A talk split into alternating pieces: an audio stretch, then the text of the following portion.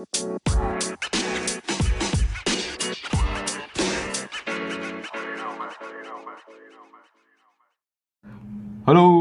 assalamualaikum, selamat malam.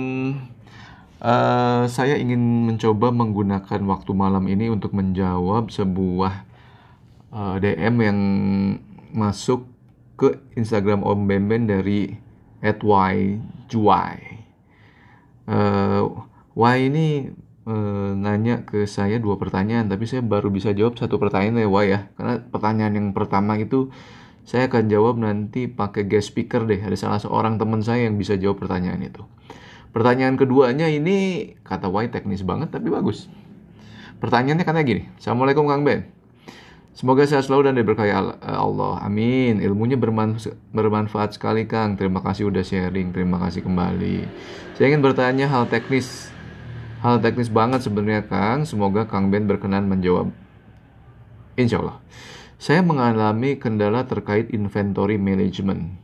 Sudah mencoba beberapa aplikasi dan sistem, tapi belum ada yang cocok dengan kondisi kami. Masalah yang sering muncul adalah jumlah fisik inventory tidak sama dengan jumlah yang ada di sistem.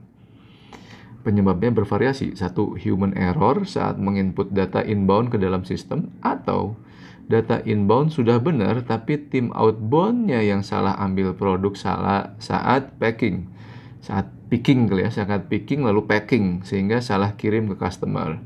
Akibatnya laporan barang keluar dari gudang tidak sama dengan barang fisik yang betul-betul keluar.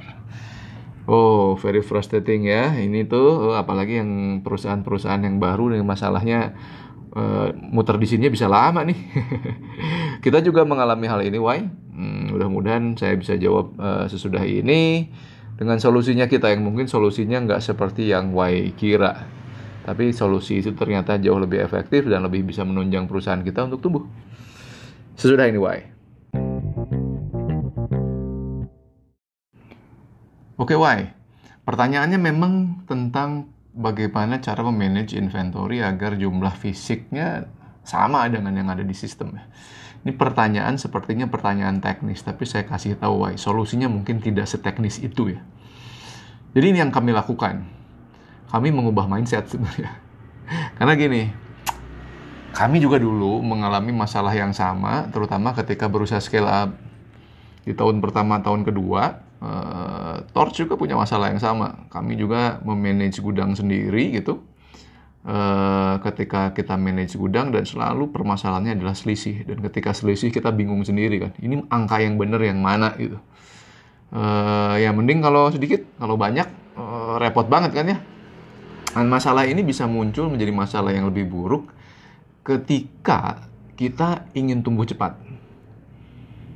Apalagi ketika kita misalnya sebagai perusahaan-perusahaan e-commerce, kita join promo-promo besar seperti 11-11, 12-12 gitu ya.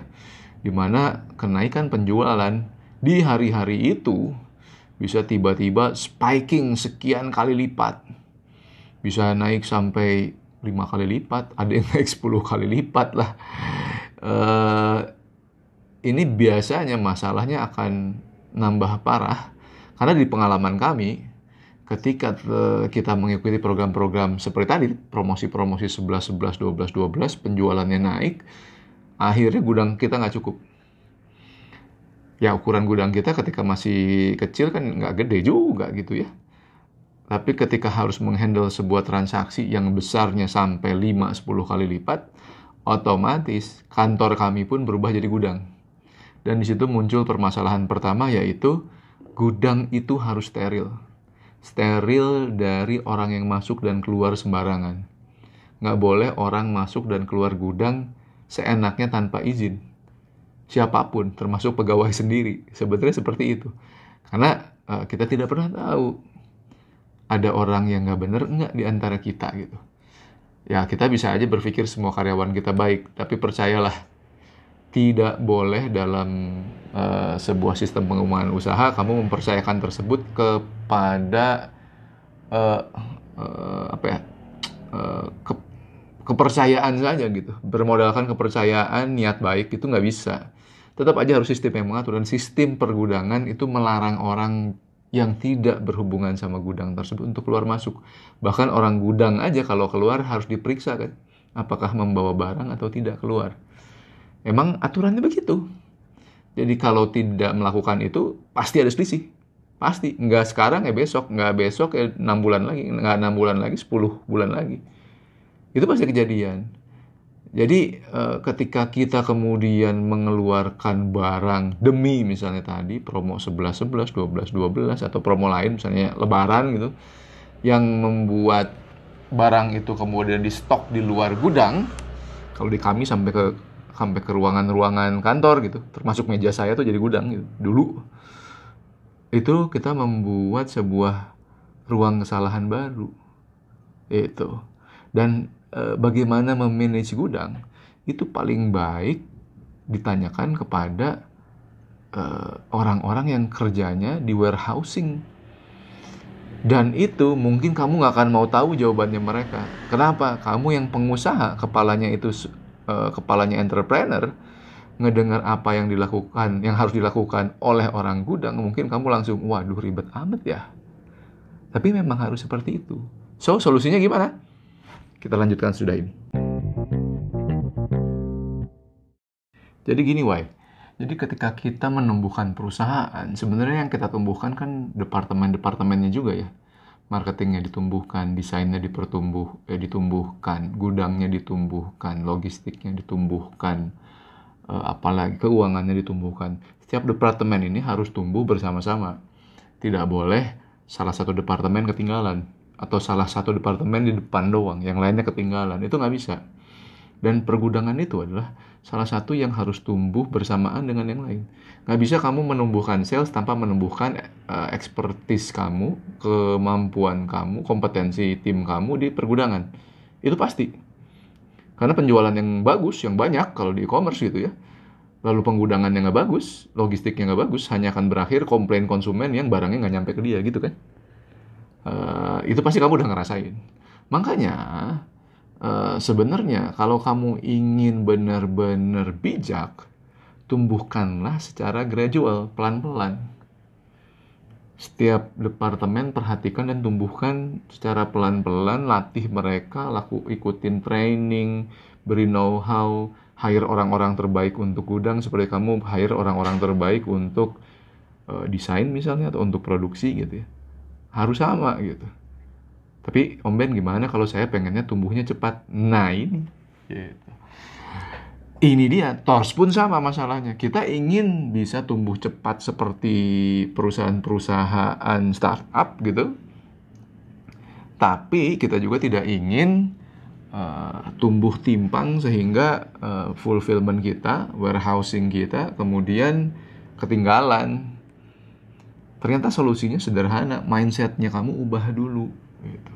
Kalau ingin tumbuh secara cepat, maka coba serahkan proses-proses yang bukan menjadi kelebihan atau fokus utama perusahaan kamu, serahkan kepada perusahaan-perusahaan lain yang memiliki kompetensi dan orang-orang yang lebih pengalaman di bidang tersebut. Jadi kalau penggudangan itu bukan expertise fokus yang memang secara uh, secara visi misi di stated bahwa kamu harus jago di gudang gitu. Misalnya gitu. Kalau bukan proses yang kamu ingin fokuskan serahkan saja pada pihak lain. Karena akan ada perusahaan-perusahaan yang lebih siap untuk menghandle itu. Gitu. Jadi uh, gini. Zaman dulu zaman dulu perusahaan-perusahaan yang ingin tumbuh besar itu membesarkan yang saya bilang tadi itu. Semua divisinya dia besarkan produksinya yang dulunya cuma 10 mesin jadi 1000 mesin. Gudangnya yang dulu cuma 100 meter jadi 1000 meter. Dulu orang salesnya yang ada cuman 10 orang jadi 300 orang. Misalnya seperti itu. Dulu secara gradual mereka besarkan semua divisinya mereka, semua departemennya mereka. Hasilnya adalah mereka bisa tumbuh besar, tapi mereka membutuhkan waktu yang lama dan membutuhkan cost uh, lebih tepatnya membutuhkan investasi yang besar.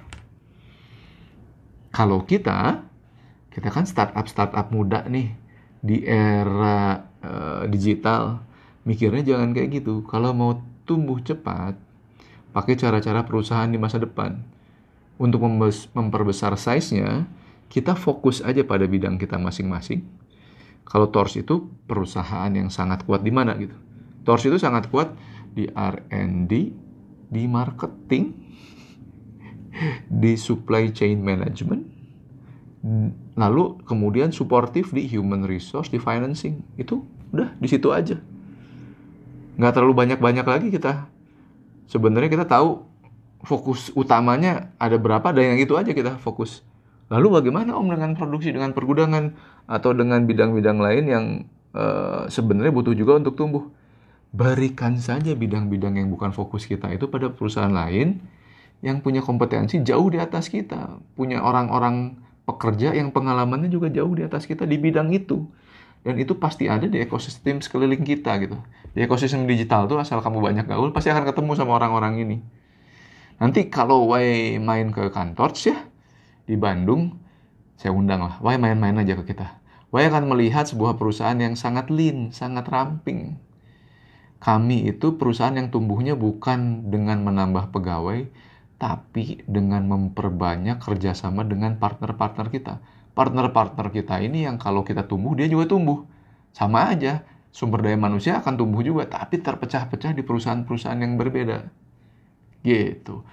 Mindset ini ubah dulu. Kalau mindset ini udah bisa seperti itu, tumbuh dengan cara yang lean, masalah gudang ini bisa selesai.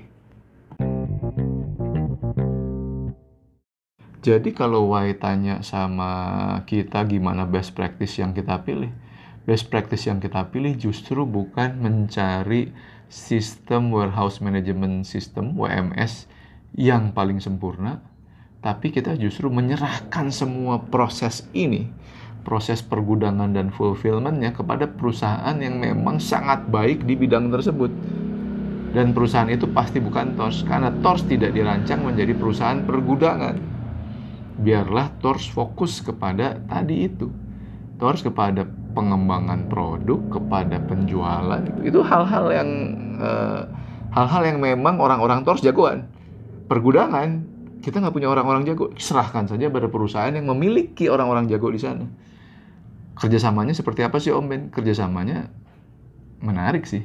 Satu ya, membuat kamu tidak perlu lagi uh, melakukan investasi-investasi besar untuk pergudangan. Kalau kamu lagi memperbesar sales, berarti kan harus memperbesar gudang. Memperbesar gudang berarti harus menyewa lahan lebih besar. Lalu infrastruktur harus dipersiapkan, komputer, rak barang, barcode scanner, dan lain-lain dan lain-lain termasuk manusia kan. Itu kan investasinya di depan, padahal tidak menghasilkan penjualan kan itu ya. Punya gudang bukan berarti barangnya terjual kan.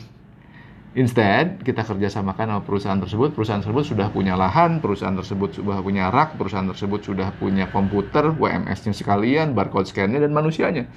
Dan termasuk yang paling penting adalah mereka sudah punya sistem SOP untuk menghandle barang agar tidak terjadi barang-barang hilang. Gitu. Di antaranya seperti itu. Enak kan? Dihandle sama orang. Mereka akan ngecas kita dari barang masuk akan dicas sama kita tapi itu nilainya kecil Lalu akan ada juga biasanya ada nilai tertentu seperti barang kamu yang diam di gudang mereka juga itu kena charge tapi itu bahkan nilainya lebih kecil lagi. Nilai yang di charge ke kamu yang agak gede itu adalah kalau barang kamu terjual. Karena ketika barang terjual harus di-pick sama mereka, di-pack sama mereka lalu mereka kirimkan menggunakan jasa logistik yang kamu mau sih sebenarnya kamu tunjuk aja. Uh, nah ini costnya lebih gede, tapi nggak gede-gede amat juga sih. Kalau kamu punya waktu mendingan belajar uh, selling dan marketing untuk menaikkan harga jual. Lalu keuntungannya sharing sama perusahaan fulfillment ini kan. Dan akan gede-gede amat juga sih sebenarnya. Harganya wajar-wajar aja. Enak kan? Orang lain mengerjakan bidang itu fokus di sana. Kamu mengerjakan bidang yang memang jadi fokus dan kelebihan kamu. Dengan begitu kalau kamu mau lari cepat perusahaan-perusahaan partner kamu termasuk warehouse dan fulfillment ikut-ikut lari cepat juga kamunya bisa lari cepat karena kamu jago di bidang kamu, dia juga bisa lari cepat karena dia jago di bidangnya dia gitu. Logikanya kurang lebih seperti itu. Oh dengan itu nggak akan ada masalah kah Om Ben? Ya nggak juga. masalah akan tetap muncul. Kadang-kadang ada barang yang telat, kadang-kadang ada masalah selisih. Pasti ada, tapi akan diselesaikan kan oleh perusahaan yang memang kompeten di situ, yang orang-orangnya jagoan di sana. Bahkan dalam kontraknya biasanya kalau selisih barang dan selisih barang itu disebabkan kesalahan mereka atau sistem mereka, mereka ganti rugi ke kita. Karena barang selama ada di gudang mereka tanggung jawab mereka. Nggak nggak akan dicas ke kamu. Itu itu enak banget kan apa akan ada lagi kah kelebihan-kelebihan lain? Ada, nanti kita share sudah ini.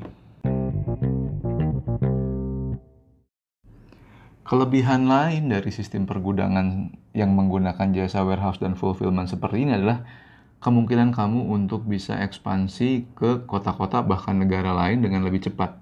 Kenapa? Karena biasanya kalau kita ingin ekspansi eh, memberikan layanan lebih baik kepada konsumen di tempat-tempat yang jauh kan kita harus buka gudang di sana sebenarnya. Permasalahannya adalah setiap membuka gudang di sana, uh, kamu membutuhkan cost yang lebih gede di depan untuk investasi tadi, lahan, infrastruktur dan sebagainya.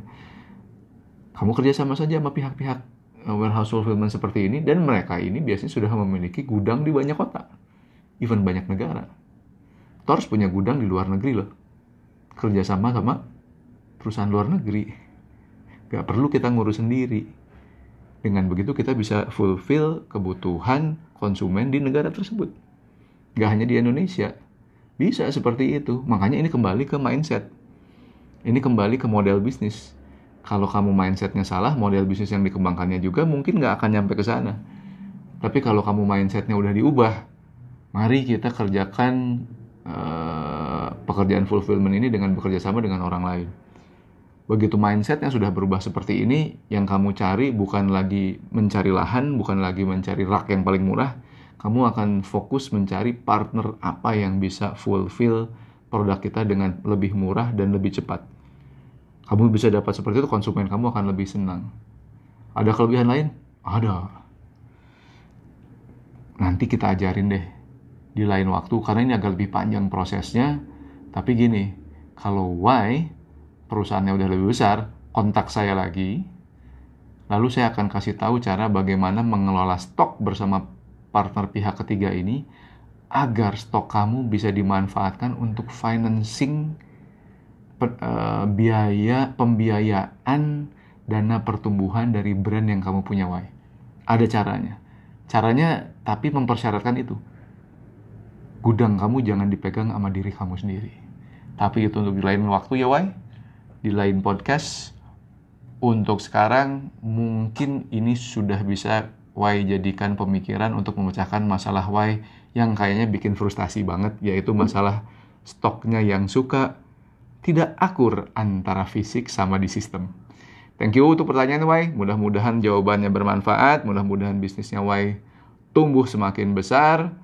Assalamualaikum warahmatullahi wabarakatuh.